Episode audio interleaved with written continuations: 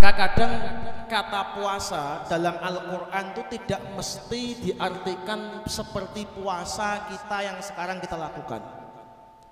Misalkan dicontohkan itu pernah dulu yaitu Sayyidatuna Maryam. Siti Maryam itu ketika melahirkan Nabi Isa alaihissalam kemudian dia ditanya loh ini kamu kok punya anak itu dari mana? Wong kamu itu gak punya apa? Suami. Kamu kok punya anak dari mana Nah kemudian Allah Subhanahu Wa Taala melalui malaikat Jibril memberi ilham Siti Maryam udah kamu kalau ditanya maka jawabnya jawablah kamu itu sedang berpuasa omongan. Artinya kamu tidak berbicara, tidak berbicara. Al-Qur'an menggunakan redaksi ini nazar tulir rahmani sauman. Ya, perhatikan ya. Ini nazar tulir rahmani sauman. Aku sudah nazar kata Sayyidah Aisyah, ini nazarku. Saya itu nazar lirrahmani sauman. Saya nazar untuk tidak untuk berpuasa. Isi puasanya apa? Falan ukallimal yauma insiya. Aku sementara ini tidak akan pernah mau berbicara dengan siapa pun. Maka termasuk bagian dari puasa secara bahasa itu adalah ketika seseorang tidak mau berbicara. Makanya kalau makanya nek wong Jawa mbiyen, wong Jawa mbiyen tuh ada sing jenenge poso meneng. Jadi orang ngomong, jadi jenengan tidak berbuat ngomong karo wong liya itu juga termasuk bagian dari apa? Puasa. Tapi puasa secara apa? Bahasa secara bahasa Arab diartikan seperti itu. Adapun yang kedua yaitu puasa secara hukum syariat itu apa? Di sini dikatakan al-imsaku an jami'il mufattirat min tulu'il fajri ila ghurubi syamsi biniyatin mahsusah yaitu apa? Yaitu menahan diri dari segala hal yang membatalkan sejak terbitnya fajar sampai terbenamnya matahari. Tapi syaratnya biniyatin maksusoh. Nah, maka puasa itu bukan kok tidak makan, tidak minum, tidak. Ingat, jadi puasa itu artinya kok bukan kok kita tidak makan, tidak minum. Bukan, bukan. Tapi puasa itu artinya menahan diri dari tidak makan. Jadi ada bentuk susahnya. Jadi puasa itu ono bentuk kangelane yaitu apa? Menahan diri untuk tidak makan. Karena kalau cuma tidak makan, misalnya contoh seperti ini. Ada orang itu wanita yang head. Contoh kecil. Seorang wanita yang head itu ketika siang hari dia itu disunnahkan untuk tidak ikut makan minum. Wanita haid itu. Ketika seperti itu, tapi dia dihitung puasa enggak? Ya enggak dihitung. Padahal dia tidak makan juga tidak minum. Maka ketika seperti itu, puasa itu tidak hanya sekedar tidak makan tidak minum enggak, tapi harus ada upaya unsur menahan diri tadi. Kemudian setelah itu ditambahi biniyatin maksusoh. Harus ada niat, harus ada apa ya niat itu secara mudah itu adalah di dalam hati jenengan itu yang penting ada aku pengen poso jadi nek nek, nek wong biyen nek orang dulu tuh cuman dikatakan nawaitu sauma ghadin an ada ifar itu niat secara lafal itu enggak wajib misal kok jenengan tidak mengucapkan niat itu enggak apa-apa ya enggak apa-apa sama enggak niat itu enggak apa-apa yang penting dalam hati jenengan ada terbersit aku besok pengen poso Ramadan sudah selesai. Dimulai kapan niatnya? Yang paling bagus, yang paling bagus biar tidak lupa kalau menurut Syekh Yusri itu pokoknya masuk waktu maghrib sampai buka sedikit ya, minum sedikit langsung setelah itu niat pokoknya nengati sesok aku poso Ramadan ngono cukup Ya, besok saya puasa Ramadan. Udah cukup. Tidak harus diapal no. Nawa itu soma godin an ada enggak harus. Gampang nanti ya. Gampang. Orang el. Dah. Puasa itu pertama kali diwajibkan oleh Allah Subhanahu wa taala. Pertama kali diwajibkan puasa itu pada tahun kedua. yaitu pada tahun kedua Hijriah jadi setelah Rasulullah tahun uh, ditinggal wafat oleh istrinya ditinggal wafat oleh pamannya Abu Talib kemudian hijrah ke Madinah. Satu tahun dua tahun kemudian baru diwajibkan puasa Ramadan. Dan Rasulullah Shallallahu Alaihi Wasallam itu puasa Ramadan itu semuanya itu bilangan hitungannya Quran. Artinya tidak pernah Rasulullah itu puasa itu 30 hari itu enggak pernah. Sebagian besar puasanya Rasulullah itu cuma 29 hari. Rasulullah puasa sebanyak 30 hari itu cuma sekali tok saja. Selain itu Rasulullah puasanya 29 hari semuanya. Nah ini ini Rasulullah Shallallahu Alaihi Wasallam. Dah. Kemudian puasa sekarang ini kenapa kok disebut dengan puasa Ramadan? Di sini dikatakan kenapa dikatakan dengan Ramadan? Eh, li'anna al-Arab wada'a hadha asma' asy-syuhur wa faqa hadha syahru har. Jadi kata Ramadan itu diambil dari kata romat. Romat itu artinya apa? Romat itu naik sampean bakar kayu, setelah dibakar kemudian apa namanya itu? Eh? Bukan arang, itu yang buluk-buluk apa jenenge? Ba, bara. Kata Romdon dalam bahasa Arab itu artinya bara. Nah, Ramadan, kenapa bulan ini disebut dengan bulan Ramadan? Kenapa? Karena biasanya di Arab sana itu, Pak, kalau pada bulan Ramadan itu sering kali ngepasi pas musim panas. Tapi ini panas betul nih, sedeng gitu ya gak patek panas pemain masjid kene nggih. Ana kipase akeh, ora panas blas kudune. Nek sampe nek ana wong kok nang jaba ora kuat poso mending lebu masjid. Adem, ayam menyes insyaallah turu nang kene tekan sore buka. Wis enak niku ya. Jadi lah Ramadan ten Arab niku Pak. Niku niku panasnya luar biasa. Sama nek di sini mengatakan ini sudah panas, jenengan tak ceritani nggih. Di timur tengah itu nek musim panas itu panasnya luar biasa. Kulo niku sampai mboten kuat nek gawa klambi ngeten iki mboten kuat. Mesti pilih gawa kaos. Saking napa? Panasnya lebih dari sini. Dan ketika musim panas, iki repotnya ngeten iki. Repotnya kalau musim panas itu siang hari itu lebih lama daripada malam hari. Temen iki poso pinten jam niki? Mulai jam setengah lima sampai jam enam. Pinten tuh 14 jam. Ya 14 jam.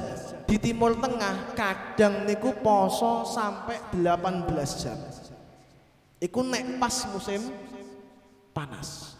Karena apa? karena siang itu lebih panjang daripada apa?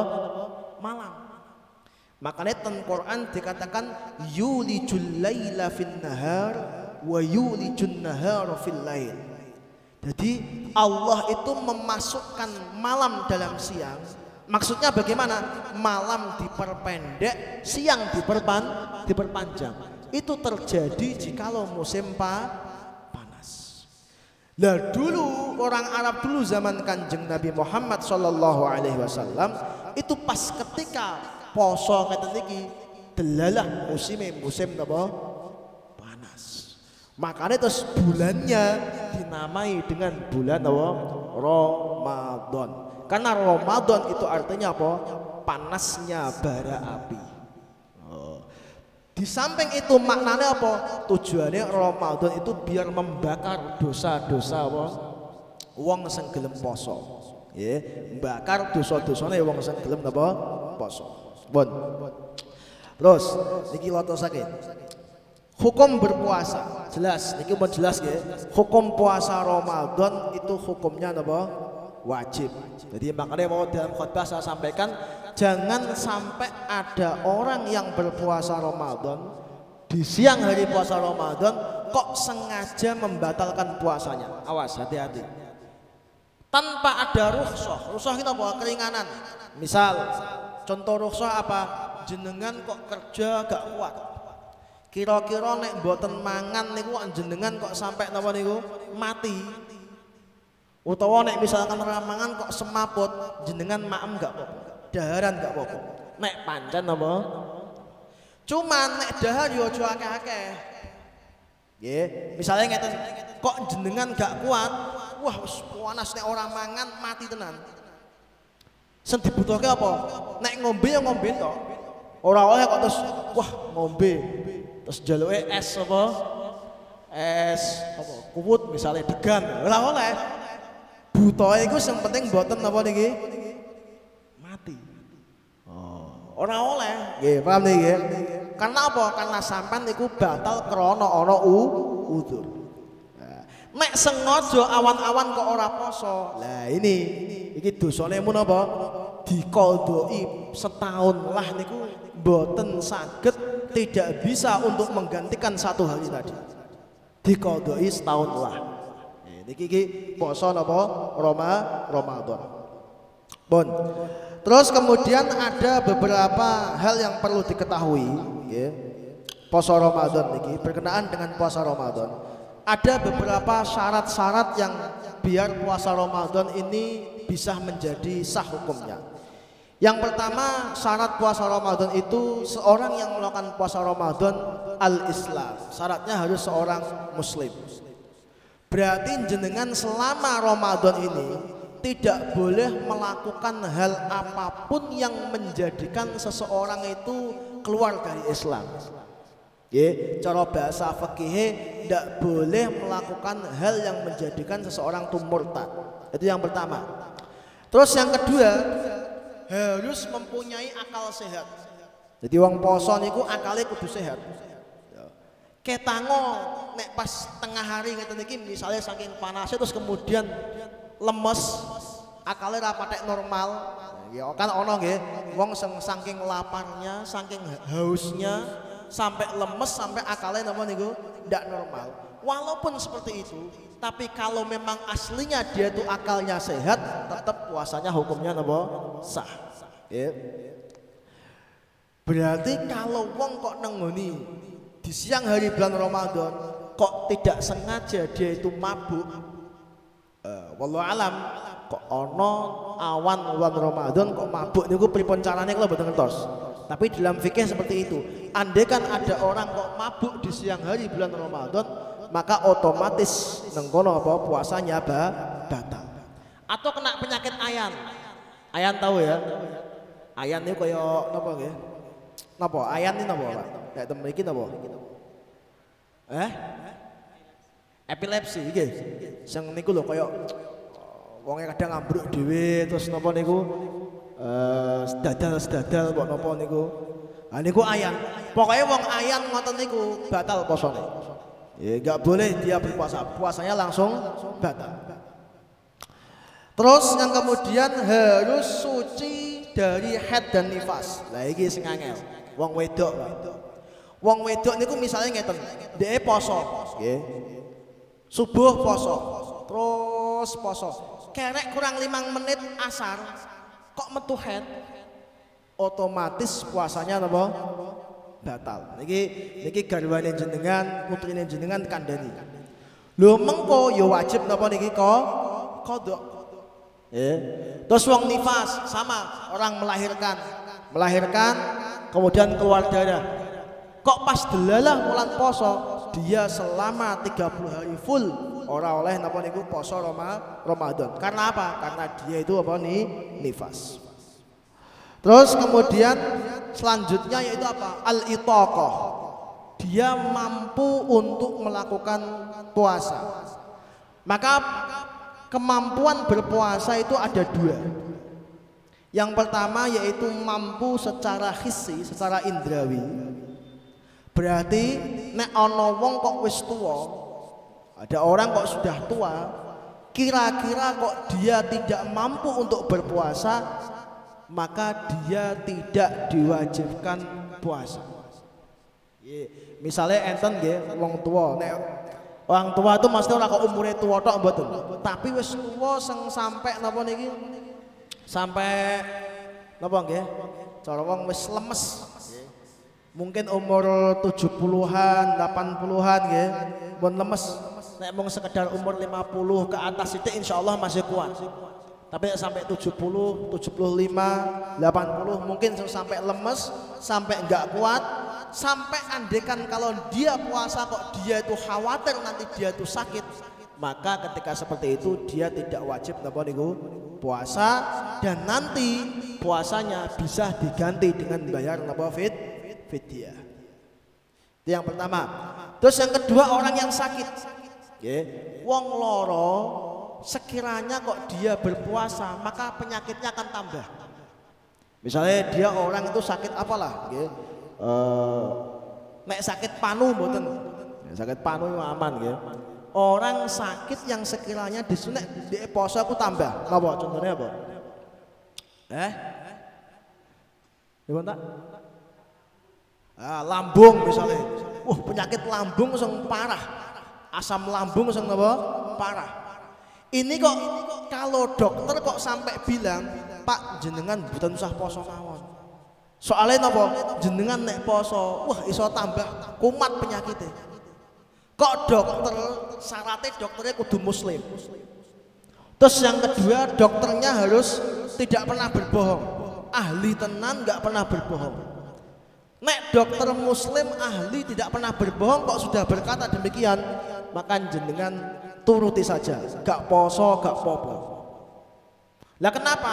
Karena hifdun nafas menjaga nyawa itu hukumnya juga apa wa? wajib. Ya nek sampai kok dokter yang ngomong jenengan nek poso bahaya pak.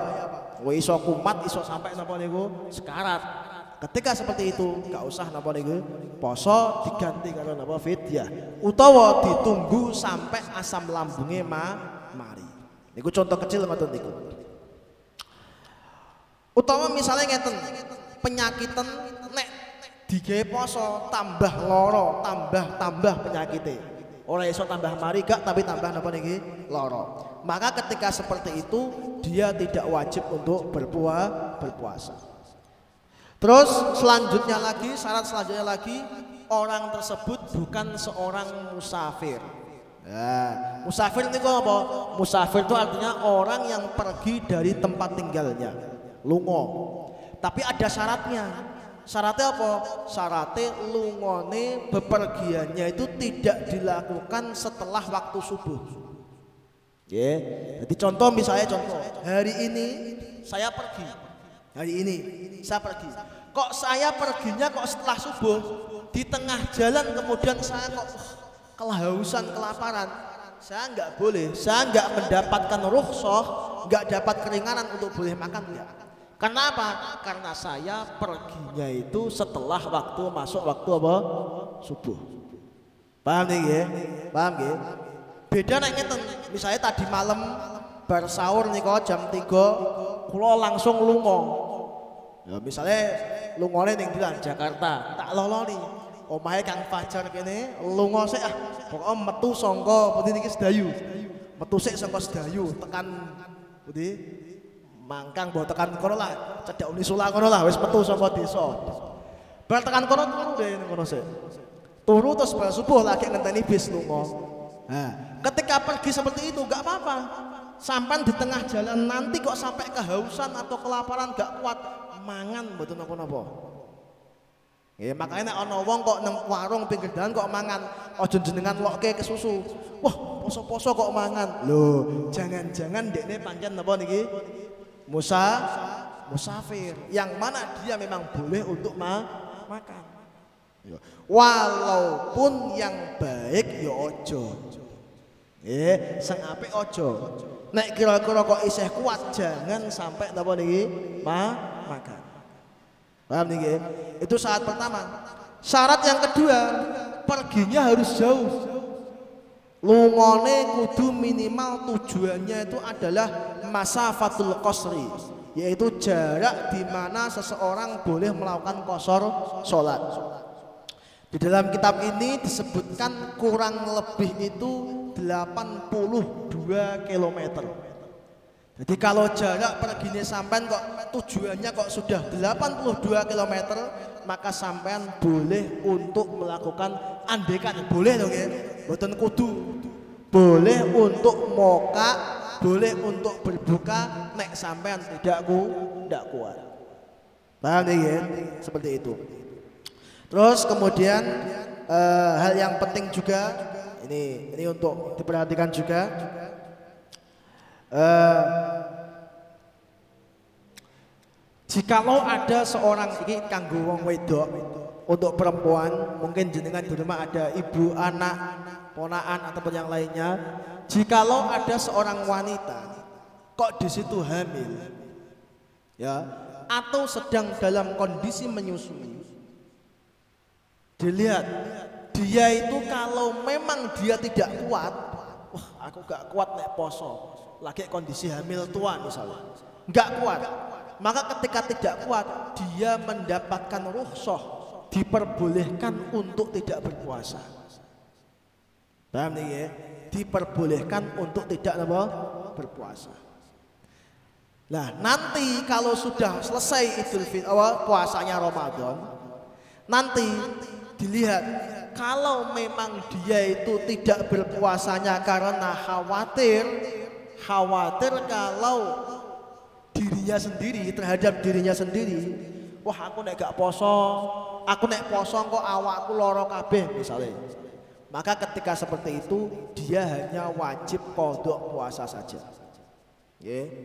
tapi kalau dia kok khawatirnya itu karena khawatir terhadap dirinya dan khawatir terhadap anaknya kalau saya puasa nanti air susu saya panas sehingga anakku iseng mimik iseng lagi ngemik jadi apa? Tidak doyan loro anaknya maka ketika seperti itu dia boleh untuk membatalkan puasanya tapi sok dekne wajib kodok juga wajib membayar apa? Fit fidyah. Paham nih paham nih terus ini juga perlu di, saya sampaikan juga. Termasuk yang dilarang dan sangat-sangat dilarang keras oleh Allah Subhanahu wa taala itu adalah siang hari bulan Ramadan. Ini bagi yang sudah menikah jangan sampai terlalu dekat-dekat sama istrinya. Ya. Ya ini co coba aneh ngaten nanya dari Kang Fajar. Ya. Jangan terlalu dekat-dekat sama istrinya. Kalau sampai terjadi sampai terjadi kumpul antara seorang laki-laki dan perempuan pada siang hari bulan Ramadan maka di situ hukumannya sangat berat sekali.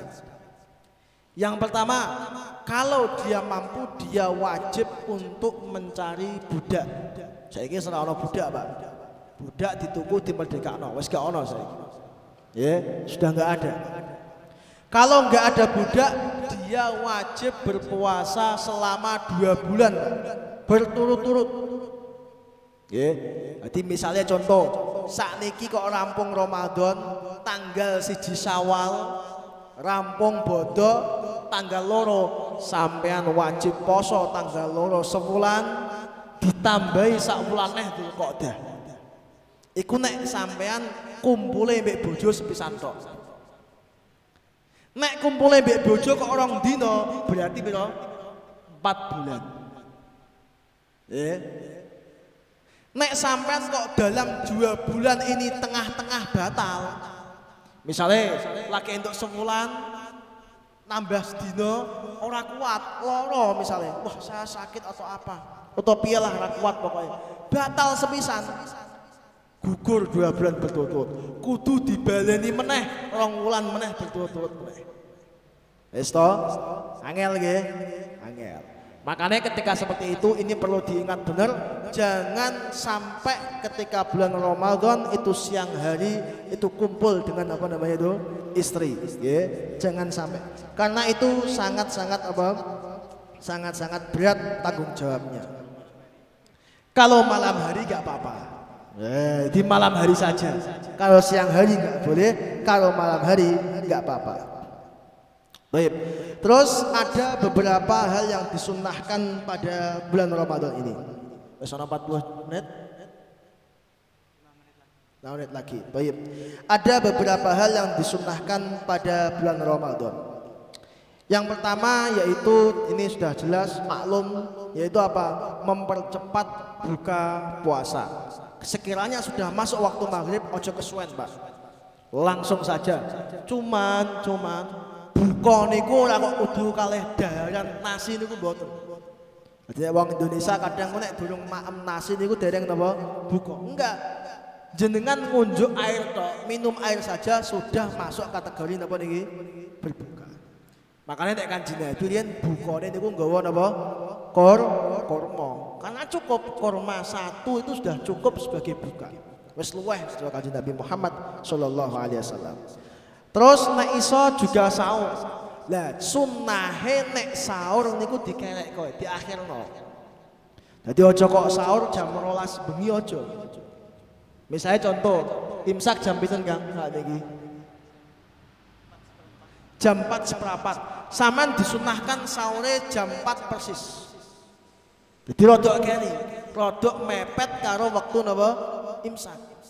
Ojo kok sahur jam 12 wis sahur saya. Boleh enggak? Boleh. Tapi tidak mendapatkan kesunahan Rasulullah sallallahu alaihi wasallam. Seng apik sahur itu rodok di napa? Di akhir ke. Nggih, rodok di akhir ke.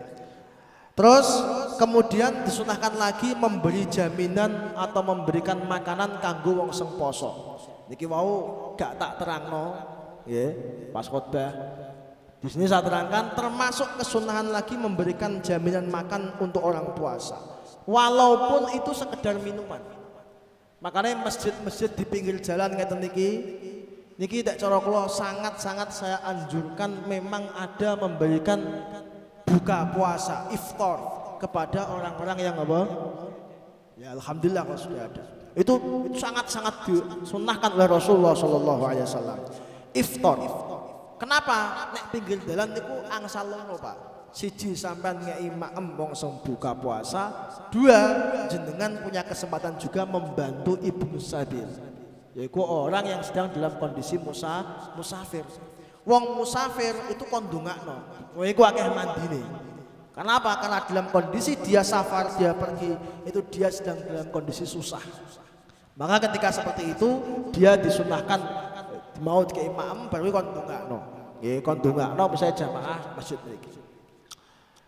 Bon, terus kemudian kesunahan lagi pada bulan puasa ini jelas yang sudah masyhur ya maklum sholat tarawih. Nah, terus diusahakan banyak membaca napa? Al-Qur'an. Al-Qur'an. Nek iso, nek iso minimal sak poso niku sak hataman. Nek iso. Biyen Imam Syafi'i niku sak poso niku 30 kali hataman. Berarti sehari khatam napa? Sepisan. Yeah. Imam Abu Hanifah sampai 60 kali khataman. Berarti satu hari khatam berapa kali? Dua kali al khataman Al-Qur'an.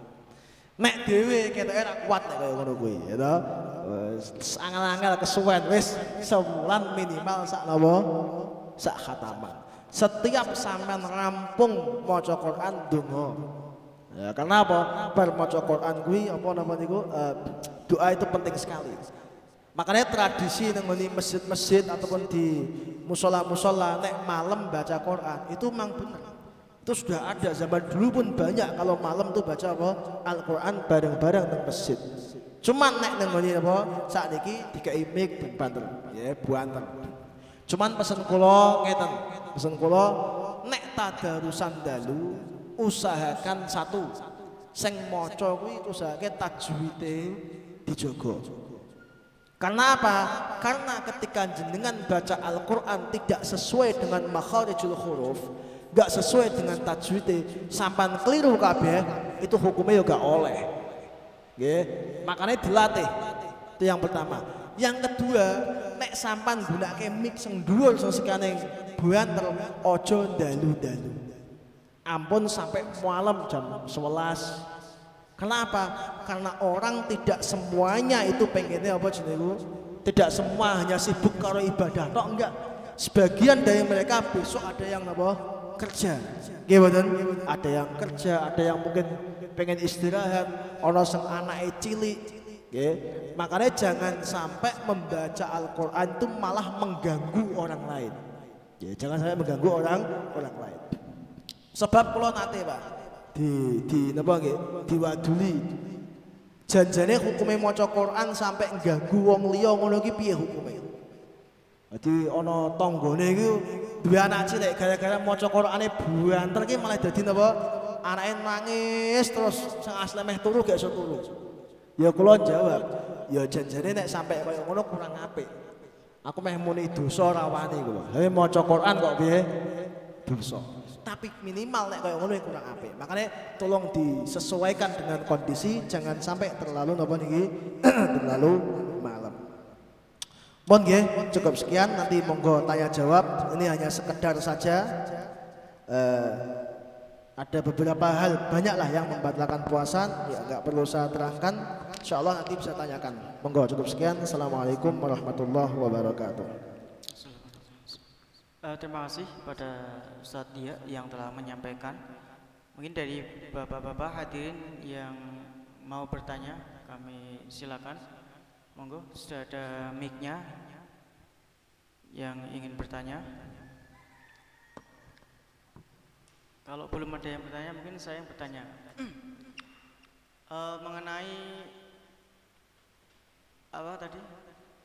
Tentang istilahnya hukuman orang yang kumpul suami istri di di siang hari pada bulan Ramadan itu sampai dua bulan berturut-turut. Kalau kalau tidak, kalau gagal ya mulai start dari awal lagi uh, dalam tinjauan apa ya istilahnya itu mengapa seakan-akan Allah itu memberikan hukuman yang sangat berat koyok-koyok guys orang mungkin lah abot lah ketika orang berpuasa dua bulan berturut-turut kan memang abot banget yang saya tanyakan itu mengapa Allah sampai menciptakan suatu hukuman yang seperti itu jadi semacam itu jadi ngeton ya Ramadan itu sekali lagi ya Ramadan itu ada dua hal minimal. Satu, waktu Ramadan sendiri itu waktu yang mulia. Itu pertama. Terus yang kedua, puasa Ramadan sendiri itu amal yang mulia. Maka ketika seseorang kok sengaja, ingat ya, dengan sengaja membatalkan puasanya, apalagi dengan jima, kumpul suami istri di siang hari bulan Ramadan, artinya dia itu merusak dua kemuliaan sekaligus. Ini. Satu, merusak kemuliaan waktu Ramadan. Yang kedua, merusak kemuliaan puasa Ramadan. Maka seolah-olah itu kok orang kok berani siang itu seolah-olah ada kesan koyok nantang Gusti Allah Subhanahu wa taala. Maka ketika dia diberi hukuman yang amat sangat berat, dua bulan berturut-turut. Seperti itu. Jadi karena kesannya itu yang nantang wis dikandani. Sabar. Poso niku Gusti Allah niku dalam Al-Qur'an niku disebut dengan ayyam ma'dudat. Hari-hari yang terbilang, terhitung. Berarti artinya apa? Cuman sebentar. Wong 12 bulan itu cuman sak bulan dong. Mosok kok sak bulan wae ngempet. ngempet kok orang apa? Ora kuat. Nah, iki aneh. Maka ketika itu dikei hukuman yang berat oleh Allah Subhanahu wa taala karena ada kesan kesan nantang kalau Allah Subhanahu wa taala. Tadi maka dikei hukuman berat. Bapak-bapak sudah ada pertanyaan? Ya monggo, Mas Ali.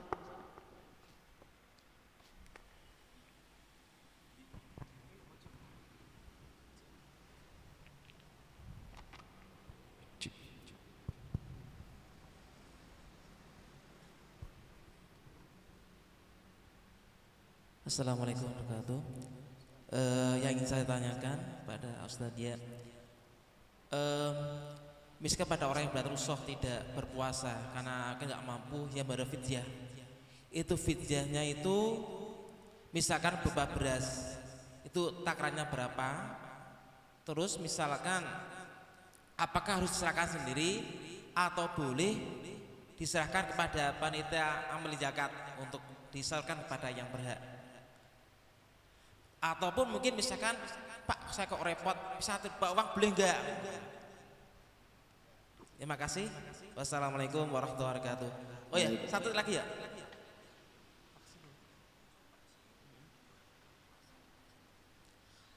Oh ya, ada satu lagi.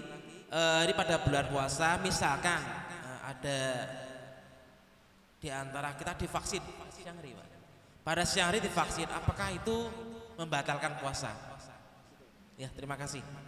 Baik, begini ya. Eh, masalah fidyah itu nanti itu itu ukurannya itu fidyah itu kalau dalam bahasa kitabnya itu ya satu mut. Satu mut itu kurang lebih 6 ons. Sedikit nggak banyak. 6 ons. Ya, cuma 6 ons saja. Itu tinggal nanti dilihat dia batalnya itu berapa hari. Ya. Boleh diserahkan sendiri, boleh nek kalau dia tidak mampu lewat apa? Panitia. Teman bukan panitia zakat, nggak harus panitia zakat. Misalnya contoh di masjid ini ada pengurusannya lah. Nah, itu kalau kepengurusan di masjid ini misalnya menyediakan siap untuk menerima apa jenenge fidyah. Enggak apa-apa. Ya, nanti setelah apa selesai Ramadan dihitung berapa dia nggak puasanya. Dihitung udah misalnya kok wah wongnya wis tua. Memang yang tidak berpuasa tuh orang yang sudah tua, sudah jompo, wis banget payahe nggak mungkin berpuasa. Nah, iso duduk aja nggak bisa misalnya, apalagi berpuasa nggak kuat. Maka ketika seperti itu dia itu boleh untuk apa namanya itu digantikan dengan fidyah tadi. Udah diganti fidyah berarti misalkan 6 on sekali 30 gitu aja, tinggal dikali kok dikeke berikan pada fukorok masa masakit. Itu paham ya ini ya satu. Terus kemudian tadi apa berupa uang. Kalau madhab syafi'i diusahakan berupa makanan pokok. Maka ketika seperti itu kan kalau, kalau di sini saya kira mudah lah. Ya mencari beras kan gampang toh, nggak sulit. Jadi ketika seperti itu kalau kita masih mudah mencari beras dan yang lain, ya udah cari beras aja. Kalau misalnya wongnya ribet, orang sekarang kan kadang pengennya yang praktis aja lah. Ketika seperti itu ya udah, berarti panitia masjid siapin aja. Sama untuk untung double, panitia masjid itu untung double. Sama nyediake beras, dituku kalau wong mau, duwite lebu nang masjid. Engko berase disalurke lewat napa? Masjid nah, double to. Nah, ketika seperti itu udah lewat nggunakake apa jenenge? Eh, menggunakan tadi apa namanya? Eh, apa itu? Beras saja, lebih mudah dan lebih praktis. Gitu ya. Terus untuk masalah vaksin, vaksin corona, ya, vaksin ini corona di siang hari, Eh, memang ini masalah menjadi menjadi kesannya menjadi polemik karena ini pada apa ya pada era sekarang ini di sini dalam kitab ini diterangkan bahwasanya itu me- menggunakan bukan vaksin tapi kalau di sini ya disuntik Nah, zaman dulu yang dibahas itu masalah disuntik hukum disuntik itu boleh kalau memang sudah apa ya dibutuhkan.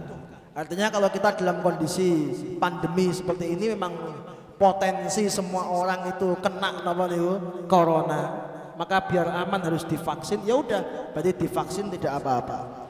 Lalu apakah itu membatalkan puasa atau tidak? Ulama khilaf. Ulama khilaf terbagi menjadi tiga pendapat. Ada ulama yang mengatakan batal secara total. Ada ulama yang seperti itu. Tapi ada juga ulama yang mengatakan tidak batal sama sekali. Ya, ada ulama yang mengatakan tidak batal sama sekali. Ada juga ulama yang mengatakan diperinci, ya diperinci. Jikalau disuntiknya, divaksinnya itu melalui tempat yang ada jalur lubang langsung menuju perut, maka hukumnya be batal. Tapi kalau tidak ya tidak batal. Contoh kayak kita, misalnya disuntiknya di mana? Di sini kan ya. Nah, maka ketika seperti ini tidak apa? Tidak sampai batal. Paham nih ya? Enggak sampai apa? Batal. Maka ketika jenengan kok divaksin, ya udah ikut saja pendapat ulama yang mengatakan bahwasanya disuntik itu tidak sampai menjadikan apa hukumnya tidak sampai menjadikan batal. Gitu saja udah. Enak itu. Jadi ikut saja ulama itu. Paham nih ya?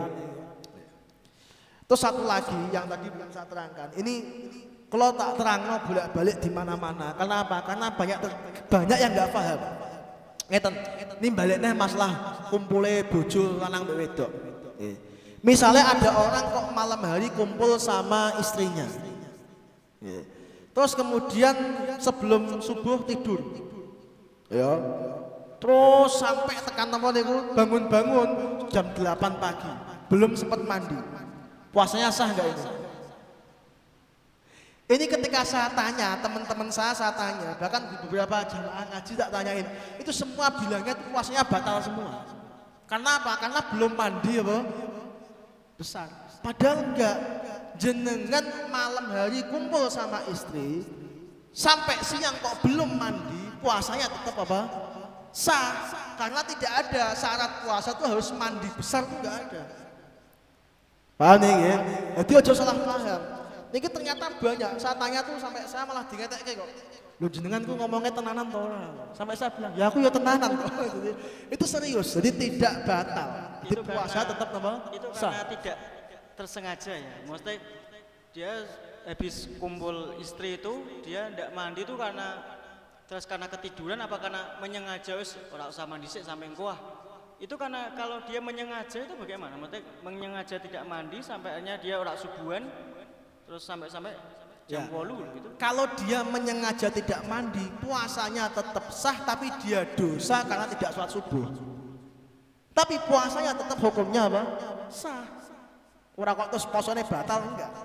Ya, walaupun sengaja. Misalnya wongan dua blek wis pengen adus tetap hukumnya puasanya apa? Sah tapi dia dosa karena tidak mandi untuk sholat su subuh. Paham ya? Paham ya? Monggo ada pertanyaan boleh. Niki penting soalnya kalau belak-belak tak takokke batal enggak puasanya? Batal. Ngono kabeh iki kalau lho iki piye kok batal iki? Kacau iki ya. Bon. Eh, saya melanjutkan dari pertanyaan Bapak tadi. Untuk fidyah itu tadi katakanlah orang itu 30 30 hari tidak berpuasa terus bayar fidyah. Itu fidyahnya dikasihkan untuk satu orang apa boleh dikasihkan untuk beberapa orang? Ngoten niku.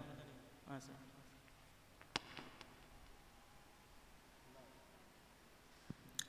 Itu fidyah itu boleh.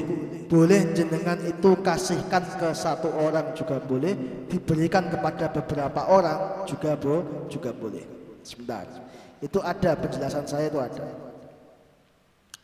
Ya boleh, boleh satu orang, boleh beberapa orang. Misalnya satu orang langsung jenengan kasih fidyah itu semua, nggak apa-apa, boleh boleh saja. Oke. Terus yang lainnya mungkin? Oke, yang lain ini ada pertanyaan Bapak-bapak semuanya. Kita sampai jam setengah dua. Pertanyaan terakhir mungkin.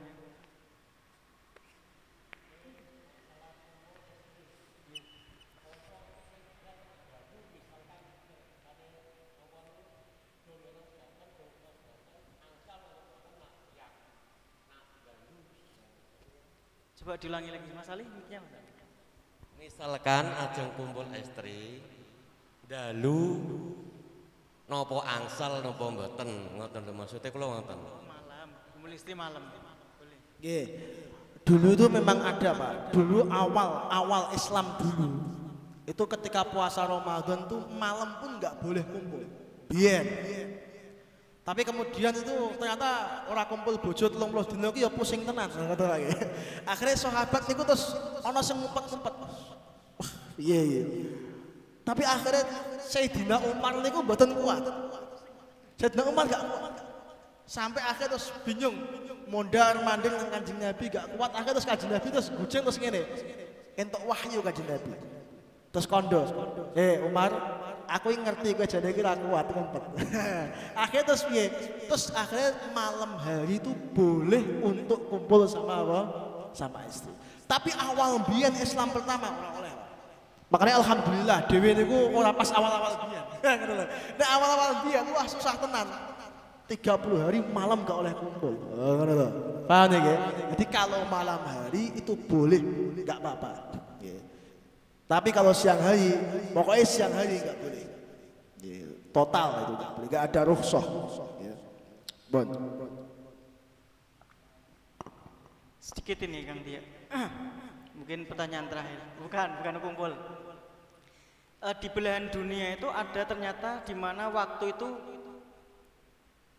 malamnya tuh sangat panjang. Bahkan hingga tidak ada matahari terbit sekalipun. Itu biasanya daerah-daerah eh, yang dekat dengan kutub itu atau Swiss itu. Itu nanti apakah orang itu tidak mempunyai kewajiban puasa? Karena hanya malam tok itu. Kayak yang dekat kutub itu. Ada juga yang yang apa siangnya tuh sampai panjang sekali hingga malamnya tuh hanya dua jam saja. Itu apa orang itu apakah berpuasa 22 jam? Nah itu bagaimana? Memang ada di sebuah negara, di beberapa negara itu siangnya itu lebih panjang. Kalau gak ada teman itu daerah Denmark. Denmark itu siangnya itu hampir 21 jam. Iku andekan kon poso 21 jam yo lempoh tenan ngono ya. Ada yang malamnya itu lebih panjang, siangnya sedikit. Ini tidak hanya masalah puasa saja, sampai masalah sholatnya bagaimanapun juga perlu dipertanyakan. Itu ulama menjawab masalah ini terbagi menjadi seingat saya itu terbagi menjadi dua pendapat. Ada ulama yang mengatakan bahwasanya puasanya daerah tersebut, negara tersebut itu mengikuti daerah lain atau negara lain yang paling dekat dengan negara tersebut yang secara waktu itu normal. Misalnya contoh daerah Denmark, Denmark itu 21 jam siangnya. Maka puasanya itu bisa diikutkan kepada negara di sekitar dekat Denmark itu yang waktunya nggak terlalu apa namanya itu seperti Denmark. Nah saya nggak tahu itu waktunya apa. Mungkin saja entah mana ya, oh, Belgia mana yang waktu siangnya itu nor normal atau misalkan nggak normal nggak terlalu lama banget. Itu pendapat yang pertama. Pendapat yang kedua itu bisa dalam sisi puasa maupun sholatnya itu mengikuti aturan negara Mekah. Mekah atau Madinah. Jadi misalnya Mekah Madinah itu puasanya itu berapa jam maka diikutkan negara itu. Tapi ya, walaupun ketok isih awan, tapi kok secara hukum ikut Mekah kok sudah waktunya puasa, eh buka puasa, ya harus buka apa? Puasa. Itu ada. Itu disebutkan oleh Syekh Hasan Hito di dalam kitabnya Fikus Siam. Itu ada seperti itu. Paham ya? Ada lain yang lainnya? Monggo. Kalau tidak ada, ya cukup sekian ya Bapak. Alhamdulillah menarik, menarik sekali kajian kita pada siang hari ini, tapi memang waktu juga yang membatasi kita. Eh, Alhamdulillah semoga dialog kita nanti bisa berlanjut di Jumat kedua besok insya Allah Pak Haji Abdul Jamil SAG MSI beliau akan mengupas lebih banyak ke dimensi tasawuf dalam puasa jadi lebih banyak tentang mengolah hati mengolah itu demikian mungkin bisa ditutup dengan doa oleh Kang Tia Ya, kalau cukup sekian, kalau nyuwun ngapunten menawi ada yang kurang jelas atau mungkin kurang detail atau mungkin salah kata, kurang sopan, sampai maaf sebanyak-banyaknya. Tutup doa ya. Bismillahirrahmanirrahim. Alhamdulillahirabbil alamin. Allahumma shalli wa sallim ala sayyidina Muhammadin wa ala sayyidina Muhammad.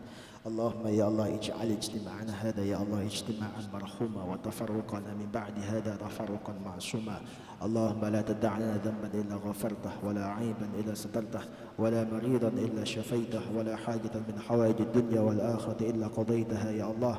اللهم بارك لنا في مجلسنا هذا يا الله وبارك لنا في علومنا يا الله وبارك لنا في أوقاتنا وأعمالنا يا الله وبارك لنا في أولادنا يا الله وبارك لنا في جميع أعمالنا وصيامنا يا الله بارك لنا في صيامنا وقيامنا وكراءتنا يا الله وخشوعنا يا الله وبارك لنا في جميع أعمالنا يا الله ربنا آتنا في الدنيا حسنة وفي الآخرة حسنة وقنا عذاب النار.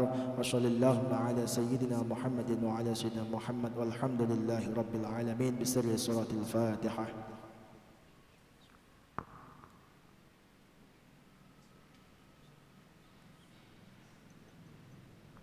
Assalamualaikum warahmatullahi wabarakatuh. Alhamdulillah kajian telah selesai. Saya juga mohon maaf yang sebesar-besarnya apabila dalam memimpin acara pada siang hari ini. Mari kita tutup dengan bacaan hamdalah. Alhamdulillahirabbil alamin. Mari kita akhiri. Allahumma fiq ilal mutarik. Wassalamualaikum warahmatullahi wabarakatuh.